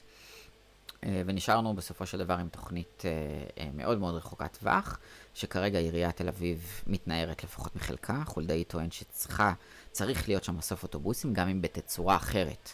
צריך להיות שם מסוף אוטובוסים בדיוק באותו מקום, זה בין שתי תחנות, זה בין תחנה, זה ליד תחנת רכבת, זה בין שתי תחנות של הרכבת הקלה, ואי אפשר אה, אה, להתעלם מהדברים האלו, אה, זה וזה די נכון. פארסה. כאילו, אה, אה, מי שחשב שיבנו שם אה, מגדלי יוקרה, שיהפכו את כל האזור הזה, יעשו לו ג'נטריפיקציה, זה לאו דווקא אה, תוכנית טובה או הגיונית. האזור הזה צריך שיקום רציני מאוד. זה לא שמחר בבוקר, בכלל, זה לא שמחר בבוקר אפשר להעיף את המבנה הזה, המבנה עצמו הוא בעיה. קודם כל המבנה עצמו הוא בבעלות פרטית, צריך לזכור, וכל עוד לא מלאימים אותו ולא רוצים לעשות איתו שום דבר אחר, אז זה המצב. כן. אה, והיזם לא יקים שם מתנ"ס, כי זה משתלם כלכלית, כן? אה, אז, אה, אז, אז פינוי האוטובוסים הוא רק החלק הראשון, אבל לא משנה, גם הוא בסוף התגלה כפארסה. אם מדברים על היכולת של מיכאלי ליצור בריתות, אז שם לא נוצרה ברית אמיתית. נוצרה פארסה. ואם אתה מסתכל על, אה, אה, על העבודה שלה מול אה, ראשי רשויות אה, אחרים, גם, זה בסוף היה כל מיני הסכמי קנייה כאלה של, של משרד התחבורה. או, או על היכולת ליצור בריתות מול משרד האוצר ומול מול שר האוצר ומול רשות החברות כדי לטפל טיפול שורש בחברות הממשלתיות ובדירקטוריונים שהם דירקטוריונים פוליטיים ולא מקצועיים, שמעכבים את קידום הפרויקטים בסוף. אז גם שם היא לא, uh, היא לא הצליחה להגיע uh, להישגים משמעותיים. אני חושב שבמבחן הביצוע יש, uh, יש פער מאוד מאוד משמעותי. אני חושב גם שמיכאלי בנתה שלא בצדק, על הטווח הארוך. הרי היה ברור מהיום הראשון שהממשלה הזו לא תחזיק מעמד אה, ארבע וחצי שנים. אולי קיוו, אבל... אולי קיוו, אבל גם לה היה ברור שזה לא המקרה. ועדיין אה, בחרו להתעסק שם בתוכניות אסטרטגיות, בשינוי ארגוני של המשרד, אה, בהרבה מאוד אה, דברים שהם ארוכי טווח שהם חשובים, אבל מאוד קל להשיג אותם אחורה ברגע שייכנס אה, שר חדש. אה, בשונה ממנה, הכהונה הקצרה של סמוטריץ', אה, שאפשר להגיד שהוא לא הוביל אף רפורמה משמעותית, והוא לא התמודד עם תקציב מדינה, והוא השקיע הרבה מאוד בהתנחלויות. אה, לא הכל- התמודד עם השכר של נהגים. והוא לא התמודד עם השכר של ועדי עובדים. של הרכבת. אה, הוא התמודד בדרכו, אני לא סופר אתכם, זה, זה סוג של התמודדות שאנחנו יכולים לחלוק עליה מבחינת אה, אג'נדה אה, פוליטית, אבל זו ההתמודדות שהוא אני בחר בתור בה. נוסע ברכבת רוצה לנסוע, שהרכבת תיסע. אה, נכון. אגב, הסכם קיבוצי עדיין לא נחתם ברכבת, גם לא עכשיו. אה, ו- אבל הוא השכיל להבין שהוא שם לטווח קצר, ולכן הוא, אה, ולכן הוא בחר בפעולות לטווח הקצר, ושם הוא קצר הצלחה. אה, ומיכאלי פחות פעלה לטווח הקצר, ולדעתי שם פספסה. אה, לסמוטריץ' לא לקח הרבה זמן להבין שצריך לסמן עכשיו נתיב בצבע, כי אין לנו זמן לחכות לנת"צים. אז אפשר, אה, אז, אז אולי המקום שבו זה סומן הוא שנוי במחלוקת, ואתה בטח תגיד שזה לא המקום שבו היה צריך לסמן אני- נת"צ. אני, אני אגיד, אם, אם נת"צ כזה לא מחזיק, אז הוא, כאילו, הוא היה צריך להחזיק פוליטית, הוא לא החזיק, זה לא עבד. לא יודע, הוא עדיין פועל ואוטובוסים נוסעים עליו, כן? כן. אז... כאילו, אה, אבל הוא לא עבד בתור, לא יודע, שלוש פלוס או מה שהיה אמור להיות. אה, נכון, אבל הוא עובד בתור אה, מקום שבו אוטובוסים עוקפים את הפקקים. ועכשיו רוצים להעתיק אותו לכביש 1, והתוכנית ההתחלתית הייתה גם להעתיק אותו לכביש 4, ולעוד כבישים נוספים. אז אולי זה איזשהו פתרון ביניים כזה, של אומרים, טוב, הציבור עדיין לא בשל לזה שניקח לו נתיב לאוטובוסים, בטח בנתיבים הבין-עירוניים, אז נעטוף את זה באיזה תירוץ כזה, שאם תאסוף עוד נהגים, מש... עוד אה, נוסעים, מה שמאוד קשה יהיה לך לעשות בפועל, אז תוכל גם לנסוע שם. אז לא יודע, אז אולי זה איזשהו פתרון ביניים, כן. אה, שלב ביניים כדי קצת, קצת להרפות את ההתנגדות. אה, אבל, אבל הוא עשה את זה מהר מאוד. ולמיכאלי במשרד התחבורה לקח הרבה מאוד זמן להבין שזה מה שצריך לעשות, ורק עכשיו אנחנו מתחילים קצת לראות שמניעים את זה. כאילו, החודש המועצה צבע באמת הנתיב הזה בכביש אחת סוף סוף, ועוד קצת נתיבים אה, בתוך הערים, אבל זה דברים שהיו יכולים לקרות כבר בראשית הקדנציה. כאילו, היה לה את הסיפור הזה שאני לא עד הסוף מבין מה שנקרא מאיץ או משהו כזה, שהיא חתמה על סוג של הסכמי גג לענייני תחבורה, שבו היא נותנת להם אה, כסף. שזה כאילו מאוד הגישה פטרונית שבו משרד התחבורה מנהל, מיקרו מנהל את כל התחבורה גם בתוך הערים וזה, ונותן כסף למי שזורם איתו. כשבהתחלה, אני חושב, היא דיברה על זה שהיא דווקא רוצה לשחרר סמכויות לרשויות מקומיות. אמ, אני לא, אני לא בטוח ש... אני לא בטוח שזה כל כך סותר, כי בעצם הסכמי המאיץ אומרים, הם לא מבקשים כסף מהרשויות, הם מבקשים מהם פרויקטים. כאילו הם אומרים, אנחנו נעשה נת"צ בכסף מלא שלנו עם טיפול ברחוב ובתשתיות ובכל מה ש... כסף מלא שלנו, של הרשות המקומית? לא, של, של משרד התחבורה. עם כל מה שהרשות המקומית מאוד מאוד אוהבת. אה, תאורה, הטמנת חשמל, טיפול בביוב אם צריך, כל הדברים האלו שלרשויות אין כסף באמת אה, אה, לעשות, וטוב, שמס... וטוב להם שמשרד התחבורה עושה את זה בשבילם, אבל בתמורה לזה, הרשויות צריכות לתת גם פרויקטים טקטיים, שהן אלה שצריכות לבצע אותם. אה, או בתמיכה של, אה, של אחת מחברות התשתית של משרד התחבורה. שזה אומר בעיקר נת"צים, שבילי אופניים. נת"צים ושבילי אופניים בעצם תעשו טקטים ותקבלו לא, פרויקטים מלאים. גם יש קצת דיבור על ההליכתיות, אני חושב, מדרכות גם. כן, אז זה באמת במסגרת אותם נת"צים מושקעים, אז מטפלים uh, ב, גם בנושא הזה של, של הליכתיות, שזה באמת אולי יכול להיות פיצוח. של לתת uh, תמריצים uh, לרשויות המקומיות, כי בעצם הן צריכות לבצע את הפרויקטים הטקטיים לפני שמתחילים בביצוע הפרויקטים המלאים של משרד התחבורה. ומשרד התחבורה השאיר לעצמו בהסכמים המשודרגים, שאיש לא ראה אותם כי הם נשארו סודיים משום מה, mm-hmm. אבל לפחות לפי, הת... לפי מה שבמשרד התחבורה אומרים, שמרו לעצמם את האופציה להחזיר את uh, תקציב התכנון. אם uh, לא יוצאים ל, uh, לביצוע, שכאילו זכות השווה היא כן איזשהו קלף שיכולים אה, לתת בפני הרשויות המקומיות. אבל, אה, אבל אה, אתה יודע, כל ההסכמים האלו, אנחנו... מיכאלי עוד לא זכתה להיות בתחילת הביצוע שלהם בשטח. כן. ולכן אנחנו לא יודעים האם, האם זה יסתיים, כמו הסכמים קודמים שנחתמו בשנים קודמות.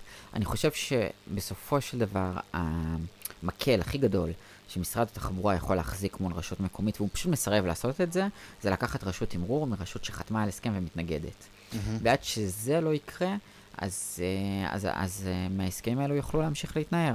אתה יודע, גם זה שמשאירים מקום לקחת את, אה, לדרוש סכומי השבה על, על התכנון, זה שהסמכות הזאת קיימת בהסכם, זה לא אומר שמישהו יממש אותה.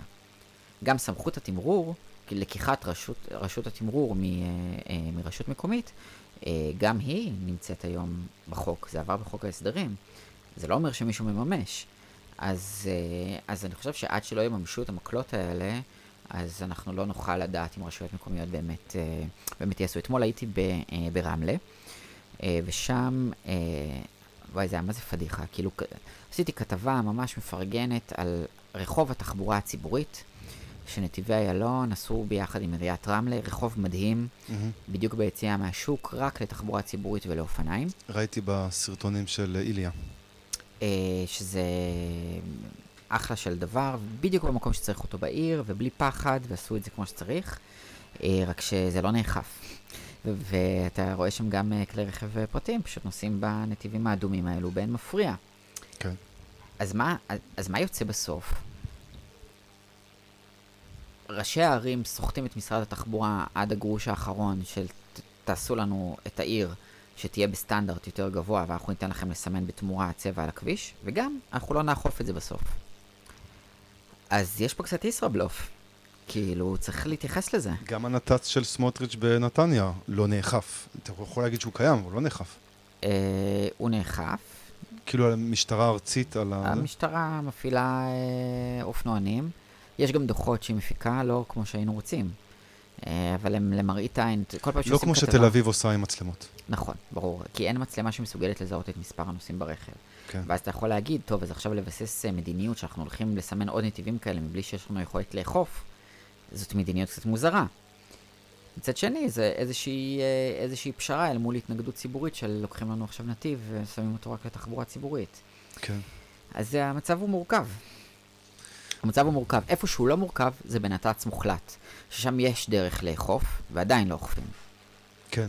רמלה זה נת"צ מוחלט, לא? זה רת"צ מוחלט. רת"צ מוחלט. אפילו אמור להיות יותר קיצוני מזה, כי נורא קל לאכוף. אין רכב שבמקרה משתרבב שם, זה כאילו אמור להיות רחוב רק לתחבורה ציבורית. ועדיין, נוסעים שם מכוניות. עושים שם מכוניות בצורה חופשית. אני לא מצליח להבין איך, כש, אה, איך כשמשקיעים כל כך הרבה מיליונים בעיר, לא מסכמים הסכם שהוא מחייב על תחילת אכיפה, ואם וגם העירייה שם לא זה בקלות אוכפת... מצלמה. כן. אה, אגב, בחוף, בחוק ההסדרים, אה, משרד האוצר ומשרד התחבורה מאוד דחפו לזה ש, אה, שתקום רשות אכיפה של משרד התחבורה, שתאכוף בכבישים העירוניים וגם בכבישים הבין-עירוניים. במסגרת הדיונים בוועדת כלכלה, הסמכות הזאת צומצמה רק לכבישים הבין-עירוניים, ולא לכבישים העירוניים, ולא סתם. הבנתי. אה, סיפור מסובך, אין ספק. אה, מה... מי אתה חושב שיהיה שר התחבורה הבא? אה, זאת שאלה טובה, אני מניח שעד שהפרק הזה יתפרסם כבר נדע כן? מי שר שרת התחבורה. לדעתי הממשלה הזאת הולכת להיסגר בשבועיים שבוע. הקרובים. יש מצב. אה, אז, אה, אז זה יהיה קצת מוזר אם אני אגיד מי, מי אמור להיות. לפי, ה, אה, לפי הדיווחים של הכתבים הפוליטיים, מירי רגב אה, תשמח לחזור אה, לתיק התחבורה. כן. אה, ואני לא רואה איזו התנפלות של מפלגות אחרות על התיק הזה. כן. גם סמוטריץ' שכאילו אהב וכזה, ההפך, עכשיו זה קטן עליו ממרום 14 מנדטים שהרשימה המשותפת שלו אה, עם, אה, בן גביר השיגה, אני לא רואה אותו מגיע לתיק התחבורה. והחרדים אה, ש... הם התלוננו שמיכאלי העלתה להם מחירים וזה, לא, לא, לא ירצו גם? כן, כמו. תמיד לחרדים יש בסוף דברים שהם יותר בוערים להם, כמו השיכון, כמו ועדת הכספים, ולא המקומות הטבעיים שבדרך כלל הם הולכים אליהם, תיק הפנים, ולתיק התחבורה הם, הם, עוד לא, הם עוד לא הגיעו. אגב, אני חושב שזה... אה, שזה טעות פוליטית לא לרצות את תיק התחבורה. אם אני מסתכל על התיק הזה בראייה צינית, קרה, הליכוד אוהב את, ה, את התיק הזה, ולא כי, סתם. כי יש שם הרבה כסף, לא? יש שם הרבה כסף, יש שם הרבה כסף שאתה יכול לתת אה, לרשויות מקומיות. הרבה פרויקטים שאתה יכול לעשות ברשויות מקומיות. כן. כש, כשמירי רגב... להיות נאבק- מחוברים לשטח. להיות מחוברים לשטח, לבנות כוח פוליטי, לישראל כץ זה עבד לא רע. כן. אה, מחלף חדש שאני עושה ליד אה, עיר, זה חתיכת אה, בומבה לראש העיר. עכשיו, יכול להיות שגם שלמחלף הזה יש הצדקה, או שהייתה לו הצדקה כשעשו אותו. אבל לא משנה, עדיין, אתה תמיד יכול לנפנף בזה כפוליטיקאי בפני ראש העיר ו, ולקנות, ולקנות אהדה, שלא נדבר על שבילי אופניים שבמשך שנים נתנו אותם לא כדי שיהיה שביל אופניים, אלא כדי שתהיה טיילת.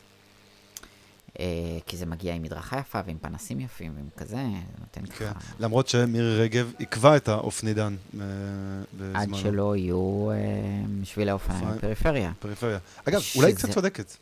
אז, אז השאלה איפה בפריפריה? הרי ברור שצריך להיות אה, שבילי אופניים מתחנות הרכבת שמיקמו אותם מחוץ לערים ב- בצורה אבסורדית. זה כן. המינימום שאפשר לעשות כדי לתקן את זה, זה לסלול אליהם שבילי אופניים. אפשר גם לעשות סתם שביל אופניים ברחוב הראשי של ירוחם. לגמרי, לגמרי. אה, אבל, אה, אבל ההתנגדות אז הייתה, מטעם גורמי המקצוע, זה שצריכים להיות קריטריונים אה, מסוימים. ולא אנחנו עכשיו בסיור ברשות מקומית ואנחנו רוצים לעשות שם שביל אופניים. זה לא קריטריון שמספיק, שהוא מספיק חזק, ושם כן היה, כן היה ויכוח. כן. אה, השאלה שאני בדרך כלל אה, מסיים איתה, ועכשיו אחרי... טוב, אה, אני, אני, אני פשוט פה מאז הבחירות, כשבאתי להצביע, אני בדרך כלל מסיים בשאלה האם אתה אופטימי, ועכשיו זה קצת יותר קשה להיות אה, אופטימי, למרות שאני לא יודע, אני חושב... למרות שאני לא יודע, אני... אני לא, מת- אבל אני גם כבר לא גר פה קצת זמן, אני לא מתחבר לקטסטרופה, אבל אני לא יודע. מה אתה חושב? אה, וספציפית, תחבורה, כאילו, אני לא יודע לגבי שלום עולמי. וואי, לא בא לי לסיים את הפודקאסט בנימה פסימית, אז אני לא יודע איך לצאת מהשאלה הזאת עכשיו. תראה, כל הנתונים הם לרעתנו. אה, האוכלוסייה גדלה בקצב מסחר. קצב הטיפול בתחבורה לא מספק. הבנייה ממשיכה להיות פרברית ולא עירונית. אה, תוסיף לזה גם משבר עולמי שמתקדם. ומוסיפים לזה משבר עולמי, ומוסיפים לזה את כל, ה, את כל הקשיים האחרים שלא נוגעים בתחבורה שהמדינה הזאת uh, מתמודדת איתם. Uh, אז uh, כאילו, uh, לא אשקר, אני לא אגיד שאני ממש אופטימי. אני כן אגיד שאנחנו עוד לא פספסנו את הרכבת, ושאני מאוד מאוד מקווה שנצליח להעיר ולהתעורר בזמן.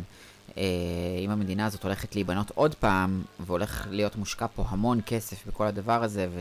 ואני מקווה שתכנון אחר גם בכל הדבר הזה, אז, אז יש לנו סיכוי לחיות פה בצפיפות שהיא טובה, ולא בצפיפות שהיא רעה. כן. אני לא נבהל מזה שהולך להיות פה עוד מלא אנשים, כאילו, לא, לא, בני אדם לא מפחידים אותי. אני נבהל מזה שאנחנו לא נערכים לאירוע הזה בצורה מספקת, לא מבחינת התחבורה ולא מבחינת אה, אה, דברים אחרים. אה, אז אני לא אופטימי, אני פסימי, אבל אני חושב שעוד יש לנו הזדמנות לתקן. כן. שזה עוד יכול אה, גם בשנים הקרובות. אני גם, אני לא יודע מה יקרה, כאילו, אז זה נכון שעכשיו יש, אה, נראה שסוף סוף יש ממשלה יציבה, לזה יכול להיות יתרונות, לא משנה איזה ממשלה זאת, בגלל שהיא יציבה. אז כאילו, אם הליכוד באמת חשוב לו המטרו, יאללה, תריצו את המטרו, אם זה מה שאתם רוצים. כן, למרות שהמטרו זה רק תחילת ה... תחילת ה... זה רק קצה הקרחון. יש מחקר של מכון אהרון שמראה שב-20 שנה הקרובות צריך להשקיע טריליון שקל כדי לצמצם את הפער ממדינות הסמן ולא מממוצע ה-OECD. כן. שזה תמיד השוואה שהיא יותר טובה קצת למדינות הסמן. אה, ו... אה, וגם אם מגזימים, מדובר ב-800 אה, מיליארד ולא, ולא בטריליון, זה עדיין המון המון כסף שאנחנו רחוקים מלהשקיע אותו ובטח לבצע אותו. כן, בדיוק עכשיו פרסמו שלא לא הצליחו אה, להשקיע את כל, כל הכסף, כאילו היו תוכניות וזה, כאילו זה מה שדיברנו בהתחלה עם איזשהו משבר אה, ביצוע. טוב, סבבה. מה, עוד, יש משהו שפספסתי?